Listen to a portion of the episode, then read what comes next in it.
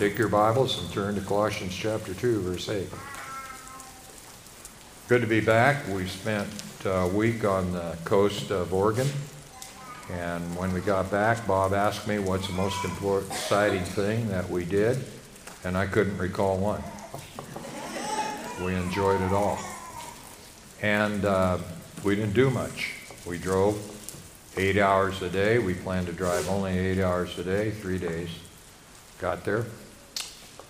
And the sun was shining, beautiful. We were on a cliff, 200 feet above the water. The water was, waves were slashing at our, at the foot of the cliff. We couldn't see them because we were right close to the cliff. And uh, we could see maybe a couple miles down the coast where the water was coming in. And we drove around and uh, stopped at some lookout points and enjoyed the beauty. And we, uh, I am tired of uh, clam chowder. Ate all the clam chowder I could eat, and I uh, had enough. But also, uh, I listened to the news. It's no better there than here. Same stuff. And I want to say that we did have something kind of interesting while we were there. They voted in a uh, House Speaker who is a born again Christian and uh, who said that he could be identified. You want to know about him, read the Bible. And I, I want to tell you something that guy needs a lot of prayer. I'm not sure how long this man will be there and what kind of opposition he's going to receive. So uh, you need to pray for your government anyway, but specifically for Mike Johnson. And I read a book by Ron DeSantis while I was there. He has one he just published. And uh, he needs a lot of prayer too. So uh, uh, these are interesting days, and what you're seeing in uh, Israel and uh, Hamas is only a preview of coming attractions. It's only a preview. We still have an Armageddon. And this isn't the Armageddon. Because in those days, uh, all the world will be joined against Israel. Israel will be standing alone, and only God, the Son, will end that war. And you know something that's good about that? If you know Jesus Christ as your Lord and Savior, you're not going to be there for it. You're going to be gone. It's the blessed hope and glorious assurance of our great God and Savior, Jesus Christ. And I had a friend who's uh, a kind of covenantalist who told me, my theology, you have a pessimistic theology. And I said, no, I don't. I'm looking forward to the glorious appearing and arriving of my Lord and Savior, Jesus Christ, in the midst of all this. So look up. I want to read something, see if you agree with this. I'll read it and then you tell me if you agree with it. All scripture is inspired by God and profitable for teaching, for reproof, for correction, for training in righteousness, so that the man of God may be adequate, equipped for every good work. Agree with that? Maybe I should ask that after this message. Colossians chapter 2, verse 8. We have human wisdom versus God's wisdom.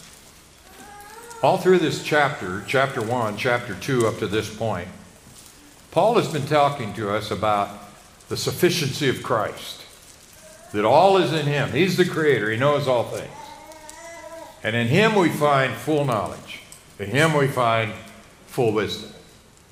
Now he says in verse 8, as we arrive to it, he says, See to it that no one takes you captive through philosophy and empty deception, according to the traditions of men, according to the elementary principles of the world, rather than according to Christ.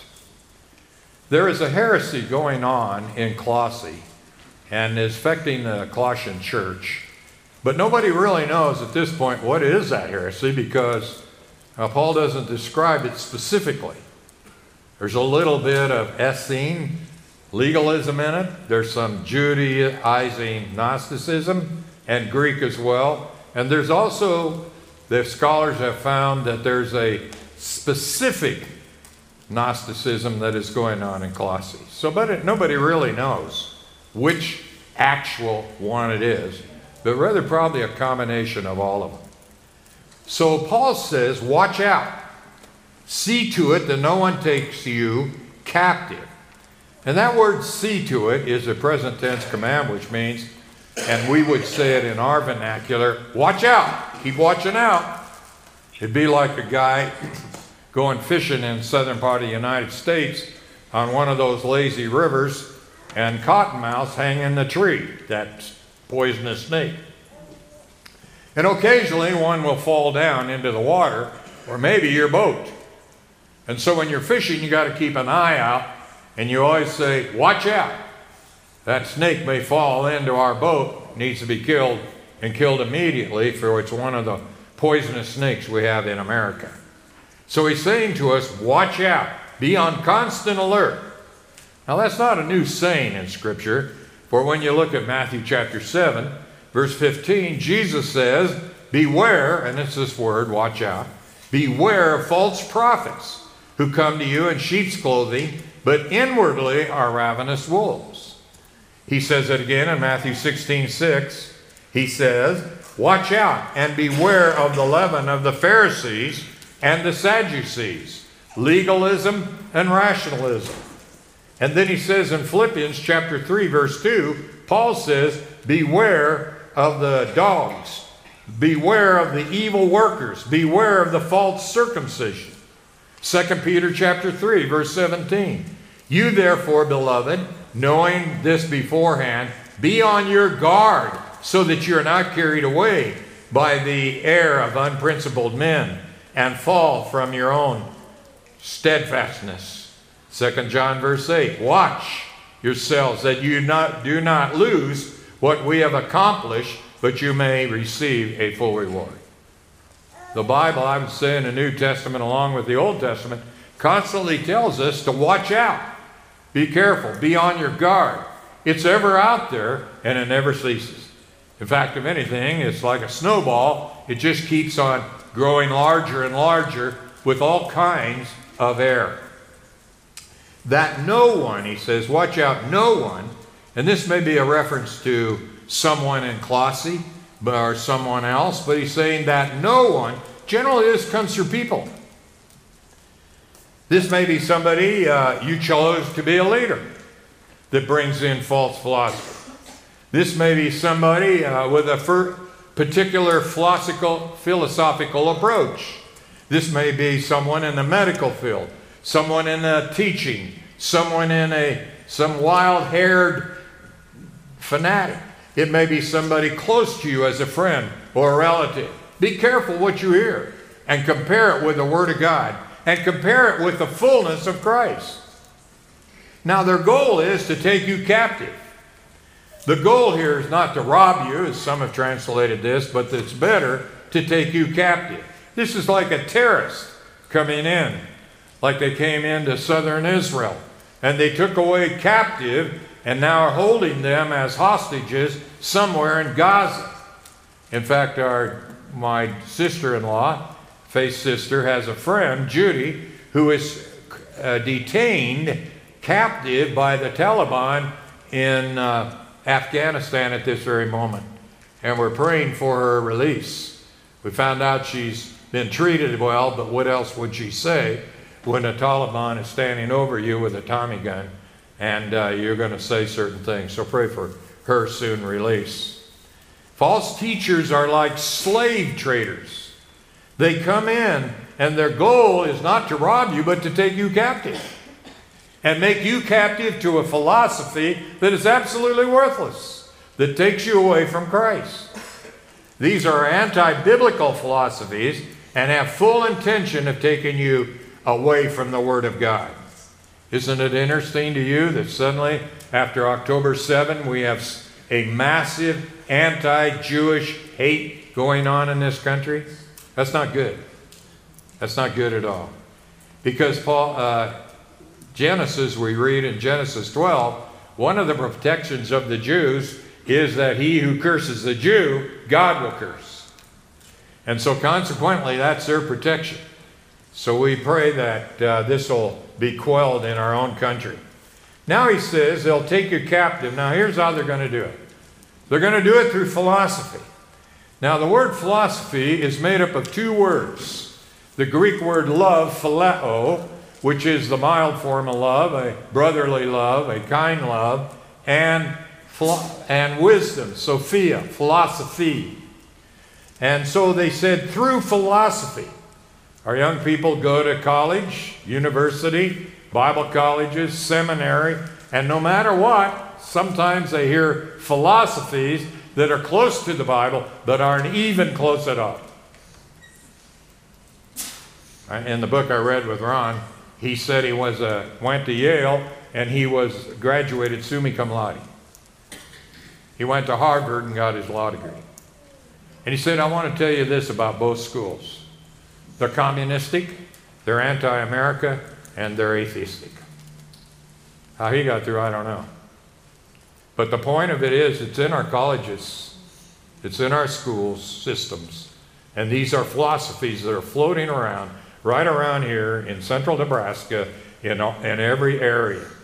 You, as parents, have a responsibility, I believe, to really hold high the Word of God in your home and live it out in your home so that your, your home is a solid place and foundation that your young people, that your children, and those who know you can stand against this stuff. The intent is to make you a slave to an idolat, ideology that is worthless, senseless, anti scripture, and atheistic at best. They do this. Look at 1 Corinthians chapter 8, 1, 18 to 21. 1 Corinthians chapter 1, 18 to 21. Paul talks about the wisdom of this world. To God, the wisdom of this world is foolishness. It isn't it interesting as, as we know more about the Word of God and the more we believe the Word of God. Isn't it interesting how foolish the ideas of the world are? And the, and the barrenness of it? 1 Corinthians 1:18 For the word of the cross is foolishness to those who are perishing. But to us who are being saved it is the power of God. For it is written, I will destroy the wisdom of the wise, and the cleverness of the clever I will set aside. Where is the wise man? Where is the scribe? Where is the debater of this age? Has not God made foolish the wisdom of the world? For since in the wisdom of God, the world through its wisdom did not come to know God, God was well pleased through the foolishness of the message preached to save those who believe. The wisdom of this world. I mean, you know, it's one thing, it can build a bridge, but when they start postulating about the fact of life and about eternal life and about things that really matter, they're all off base. The philosophy here has a definite article before it, which denotes that it is a specific love of wisdom that was going on in Colossae. The love of human wisdom involved humanism and philosophies which are formed by depraved men and women apart from the new creatures in Christ. The genuine love for wisdom is that which comes from God. Eh, take a look at Colossians, just the first chapter, and notice how he prepares us for this, verse by verse, and three verses specifically. Colossians 1:10. So that you will walk in the manner of the Lord to please him in all respect, bearing fruit in every good work, and increasing in the knowledge of God. Drop your eyes down to verse 16 and 17. For by him all things created, both in heaven and on earth, visible and invisible, whether thrones or dominions or rulers or authorities, all things have been created through him and for him. He is before all things, and in him all things hold together. He knows all things. He's the sum and substance of all wisdom. And if that's missing, uh, you're going to go down a foolish path. And you're going to find yourself twisted in knots. Colossians 1 28 and 29. We proclaim him, admonishing every man and teaching every man with all wisdom, so that we may present every man complete in Christ. For this purpose I also labor, striving to his power, according to his power, which mightily works within me. Colossians 2, verse 3. In whom are hidden all the treasures of the wisdom and knowledge of Christ. Remember, we started with the verse? All scripture is God breathed and is profitable for correction, for instruction, that the man of God may be thoroughly equipped for every good work. Is the Bible sufficient? Can the Bible take care of every problem? Yes. Yes, it can. So the world's minds are devoid of biblical truth. They make wild guesses as to why humans are on earth, what is the purpose of humans, and what is happening when they die. They don't know. It's a wild stab in the dark for them. And people buy it, come up with all kinds of crazy ideas. We have one extreme, uh, philosophies which believe there's no reality. This is all a dream. This is all part of your mind. You don't really exist. You're just a dream. We have another part that you're purely an animal. You've evolved from an animal, you look like an animal, you act like an animal, and we treat you like an animal. And if you walk like an ape and act like an ape, we put you in jail. We're not animals. We are created in the image of God. We have a physical bodily side, and we have an immaterial side of us called a soul and spirit. And we have the ability that a whale doesn't have, or a porpoise doesn't have, or a pig doesn't have, or our little puppy doesn't have, and that is we can think outside of our body. And we can think outside and realize who we are and why we are. And we have the ability to have a concrete, physical brain that can come up with ideas that can build a skyscraper, scraper, and build also a bridge and do all kinds of things. And it can be distorted. The, the cultural climate has changed in the last 2,000 years. Whereas biblical truth I met the people then. This is what people are saying. I met the people then. But now we're modern and, and we've got inventions and we're intellectual, we're advancement and scientific achievement. We no longer need Bible truth. It's okay, but then it's okay, but we're modern. We have problems they never had. The theological word that describes that is baloney. We have the same problems they all have. Yeah, we drive a car, we drive a Chevy, we drive a Ford. You drive an electric car, you drive one, you pedal. You got all kinds. According to the tradition of men. Now look at Ecclesiastes 7. I put these verses down because they didn't want to bounce all over. Philosophy of the world of man is based on those who are inherently evil.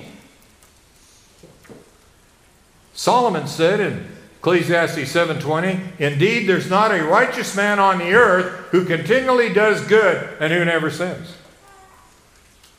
Isaiah 53:6 says, "All of us like sheep have gone astray. Each one of us turned to his own evil way, but the Lord has caused the iniquity of all to fall on him." We're all full of iniquity. Isaiah 57 verses 19 and 21. Creating the praise of the lips, peace, peace to him who is far and to him who is near, says the Lord, and I'll heal him.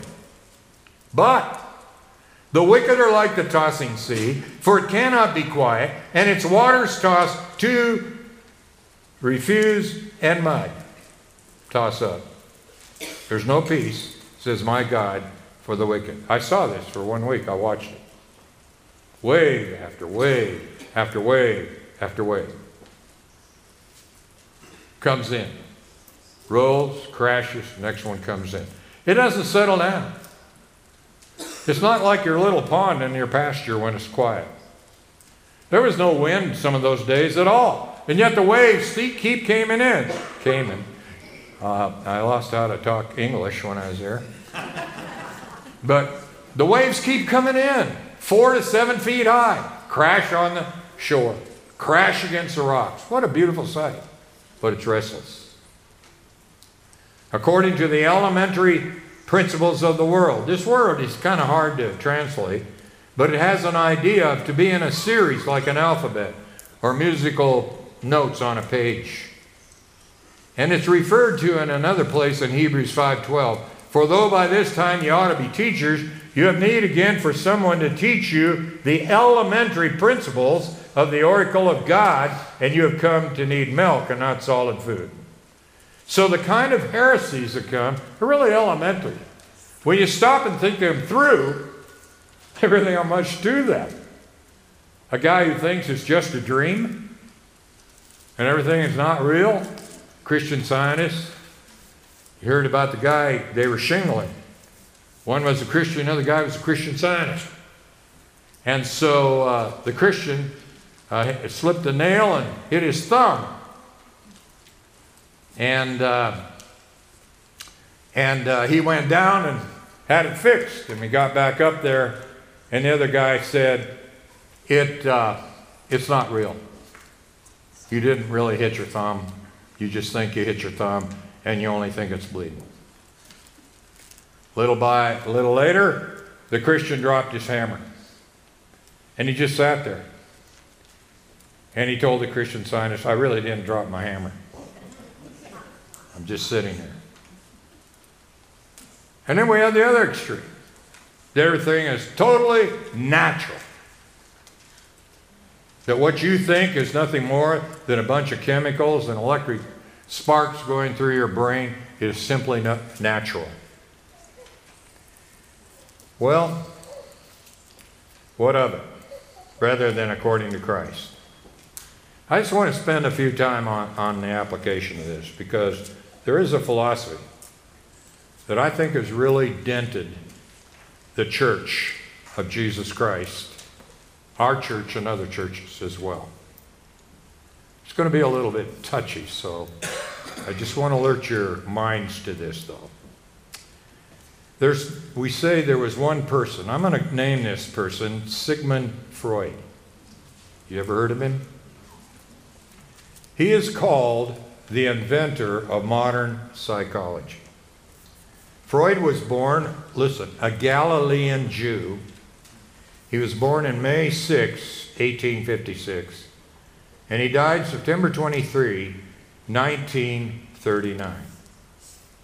Freud is regarded as the regarded the monotheistic God as an illusion based upon infantile emotional needs for a powerful supernatural pater familis.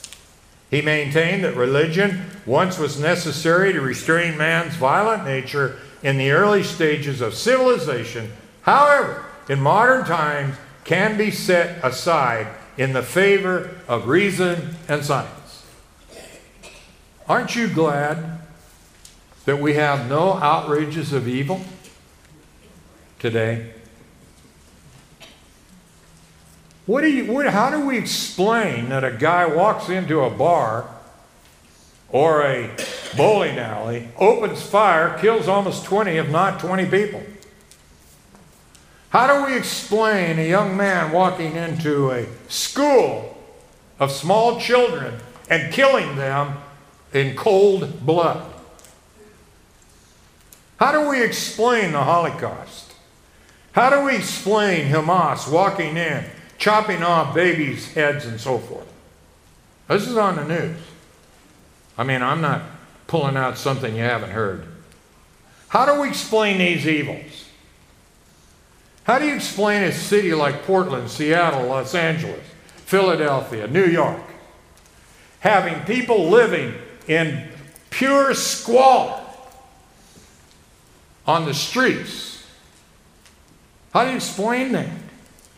You know what the world's situation is? How does the world explain it? Build more what? Mental hospitals. I remember, uh, this is all application now, because I, I, feel very strongly about these things. I remember uh, when I was uh, on the uh, chaplain to the Hutch Police and the Reno County Sheriff Department in the Kansas City.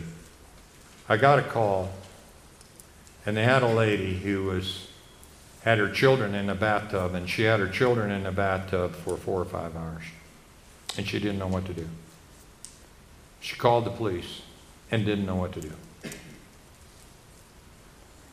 So she volunteered herself for the uh, mental hospital in Kansas, and she wondered if I and the juvenile probation officer would take her there. So we talked her on the way, and we waited, and we got in to the uh, see the psychiatrist. I walked in, and here was a guy that looked like he's going to die. He had he was frail. He had red hair down here, and a beard way down here, red hair. And he was smoking a cigarette. As soon as it was done, he picked up another one and kept going. Bill and I walked out of there and we said, Who needs help? Who does?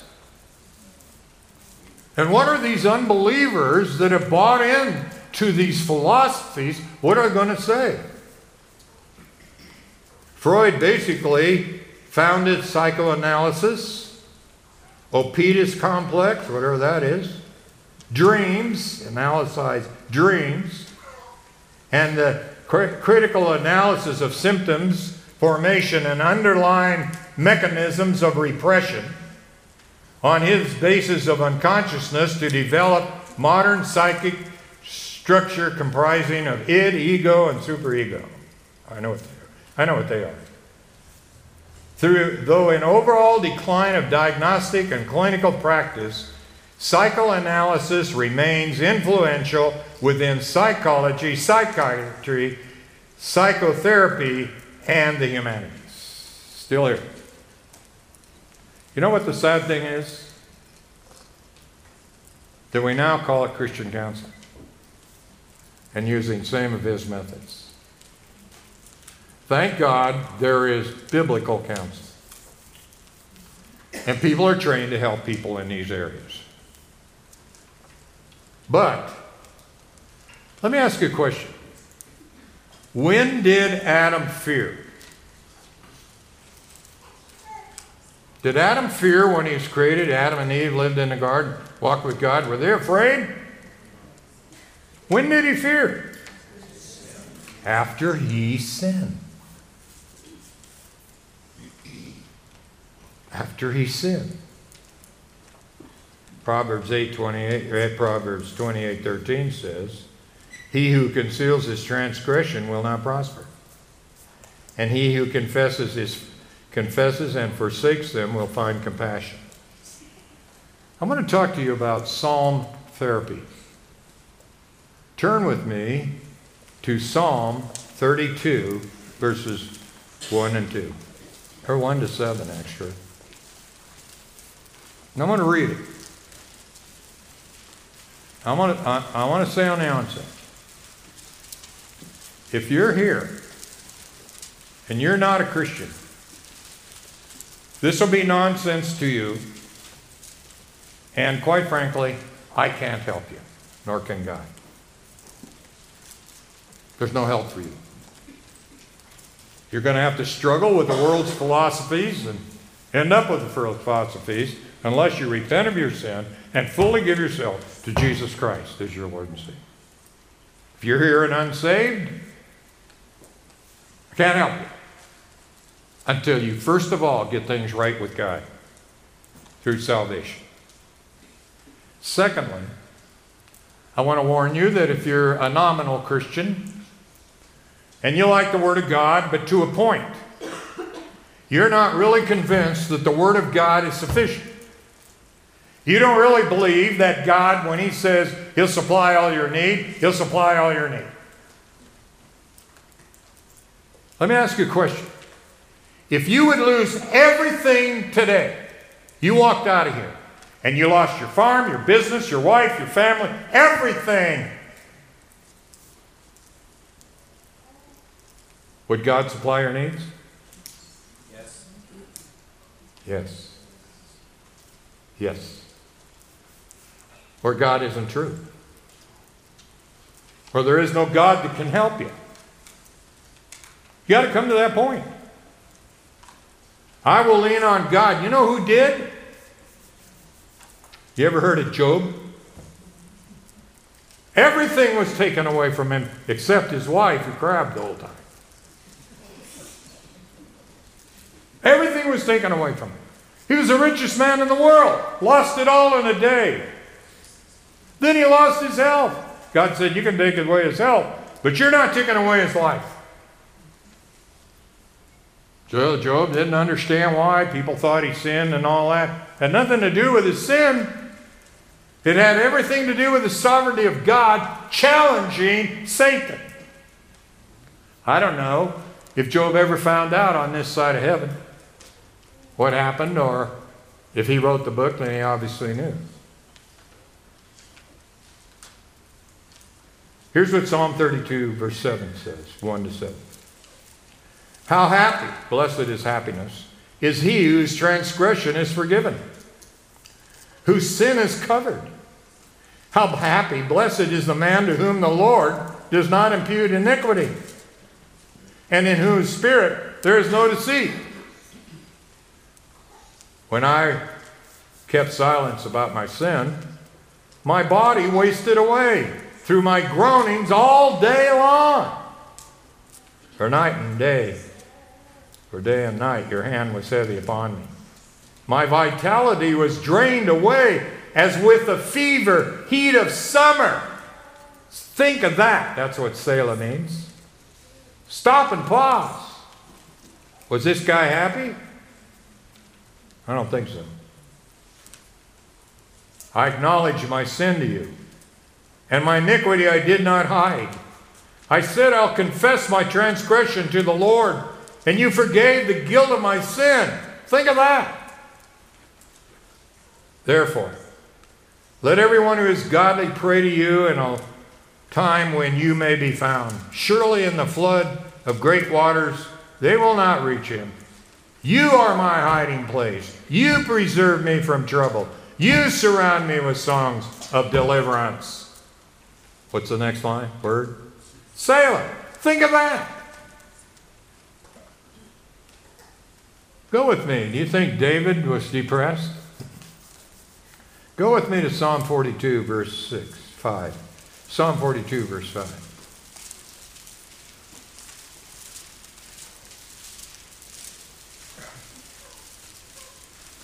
David says to himself, here's where, here's where you can think about yourself, right? Here's where you can communicate with your circumstances, which an animal cannot do. Why are you in despair, O my soul? And why have you become disturbed within me? Hope in God, for I shall yet praise him, the help of my countenance and my God. Well, he writes another psalm. Look at the next psalm, Verse 43, verse 5. Why are you in despair, O my soul? And why are you disturbed within me? Hope in God, for I shall again praise him, the help of my countenance and my God. Here's what it pays to know a little theology. Here's where it pays to believe biblical doctrine. Theology, I know people hate that word, but biblical theology really helps.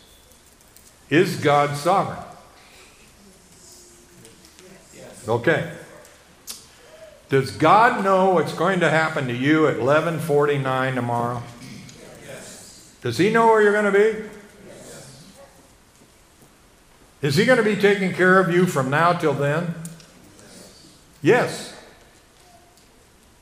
No matter what the circumstances may be, no matter how bad it might be,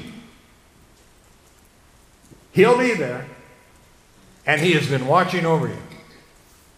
We just had a verse in Sunday school.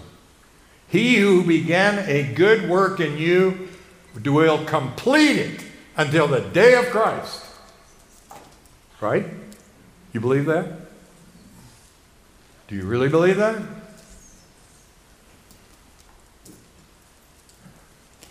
I do too.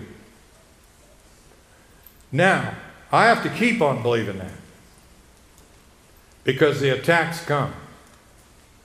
Keep on seeking, he says. Keep on, uh, keep on praying. Keep on this. Stay with this.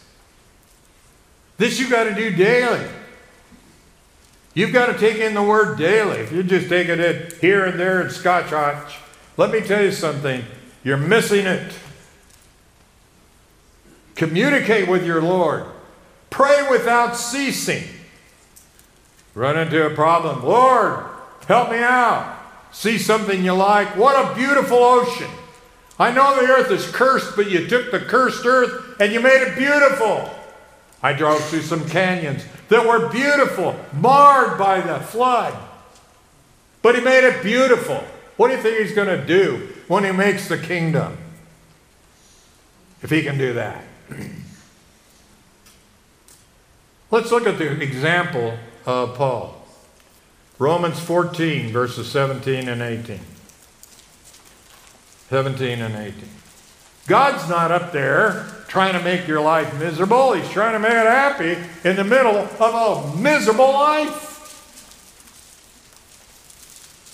He says in Romans chapter 14, and I'm picking on verse 17 For the kingdom of God is not eating and drinking, but righteousness, and listen to this, and peace and joy. Where? In the Holy Spirit. If you're running around and you're miserable and you're crabby and you're out of sorts and you're complaining about everything going under the sun, question Are you really a born again believer? You're not acting like it. Because that's not the way believers act.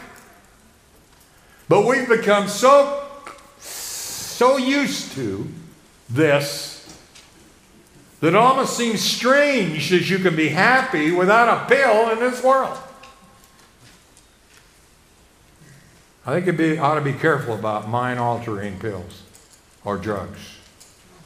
You ought to be very careful. Be very careful.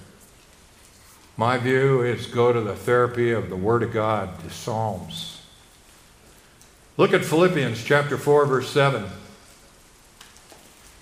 And uh, we read, and the peace of God. What's that like? What is the peace of God? I have total rest in Him. Nothing can shake me. I'm in His hand. Nothing can disturb me. He is my Father. He is my God. He'll take me to the end. And whatever seems to be damaging, He'll work it out for good. Philippians, he says, the peace of God which passes all comprehension will guard your hearts and minds in Christ Jesus. Paul was in jail when he wrote this. Philippians chapter 4, verse 10 and 10, or verse 11 specifically. Not that I speak from want, for I've learned to be content in whatever circumstances I am. What did he learn? God will take care of him when he's poor, hungry, and God will take care of him when he's full and rich. Either way, God takes care of him.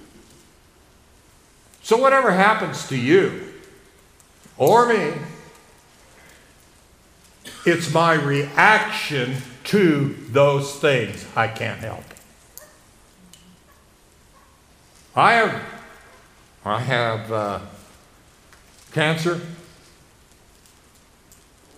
And uh, doesn't seem to be going anywhere or doing anything. And they tell me at your age, you ain't going to do anything about it except let it get out of its sack, And it'll probably go to your bone. Then we'll do something. Well, that's a happy thought. But the point is, I can't help it. That's in the hands of a sovereign God. But how I react to that tells you what I think of God and His Word. And some of you are facing problems much greater than that than I have. And some of you will be facing that before it's all done here. We're all going to suffer at some point. And we all got to realize God is sovereign. It's His choice. And we got to realize God is righteous and He's always right. It's the right thing to happen. And we got to realize that God is love, and it's a loving thing that can happen to us.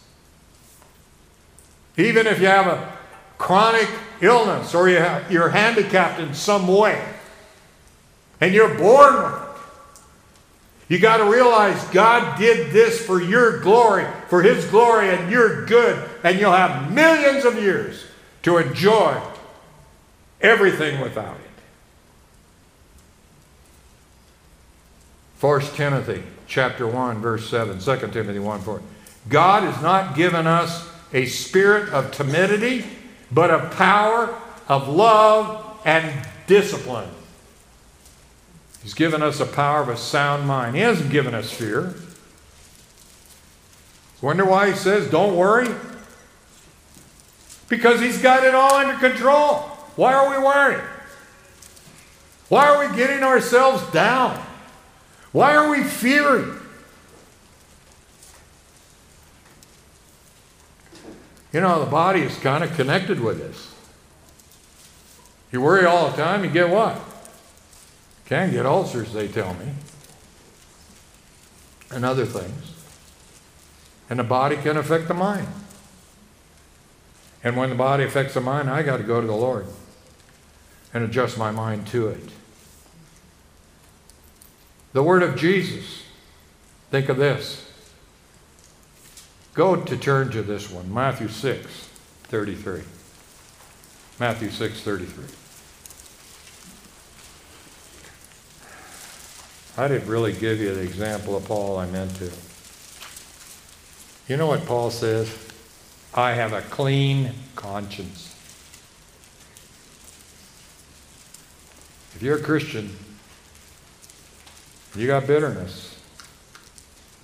And there's something in your life you haven't dealt with, and you don't want to deal with it. Go ahead and be miserable. Go ahead and be miserable. Why don't you just take it to the Lord and open it up? He knows it anyway, right? He knows what's bugging you, and He knows who's bugging you. And He knows your attitude toward it of hatred. You heard about three messages on love. Love your enemy. Matthew 6 33. You've heard this so often you, you can say it by memory. But seek you first his kingdom and his righteousness, and all these things will be added unto you. The previous verses. You know that. Why don't you and I and I have to do this? I have to I have to sit before the Lord and lay my heart bare and say, God, if there's anything in me that I got to straighten out, help me straighten it out. I'll be honest with you, sometimes it's a struggle to get to there. It's not easy. All these things will be added to you.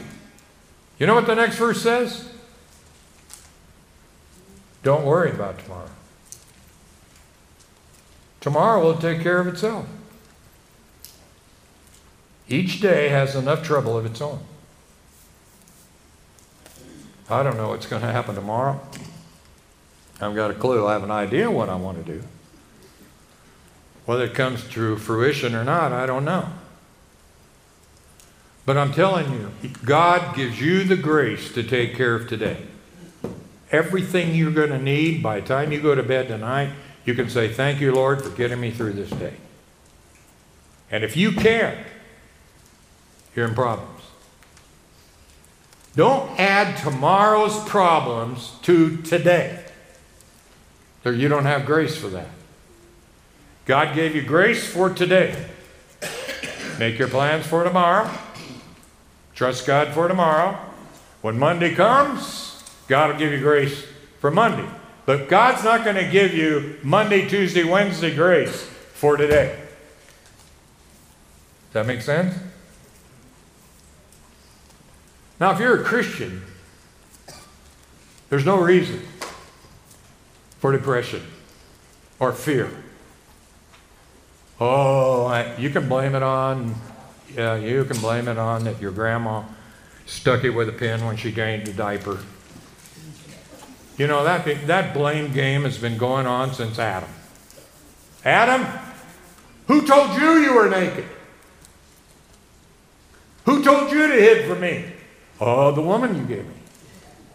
She did it. Okay, Eve? Oh, it's the devil. You can blame everybody in the world you want to blame. That's deceit. You got to deal with yourself, myself. Full for. Try the psalm theory, therapy. Try believing the Word of God. And just saying, okay, I'm going to trust God for tomorrow. I'm going to trust God for the rest of the day. And I'm going to quit trying to work it out. Did God, how did God save you? By grace, didn't He? You didn't earn it, and you didn't deserve it, and He saved you. Galatians 3 3 said, Are you so foolish to think that God saves you by grace? Now you're going to work it out the rest of the way? You trusted God for your eternal salvation. Trust God for your life. It's all by grace. It's all by grace. I hope you're encouraged, not discouraged. I know I yelled, but I'm intense about this. And I want you to believe His Word in every way. What a blessing. How blessed is the man whose sin is forgiven. Let's stand for prayer.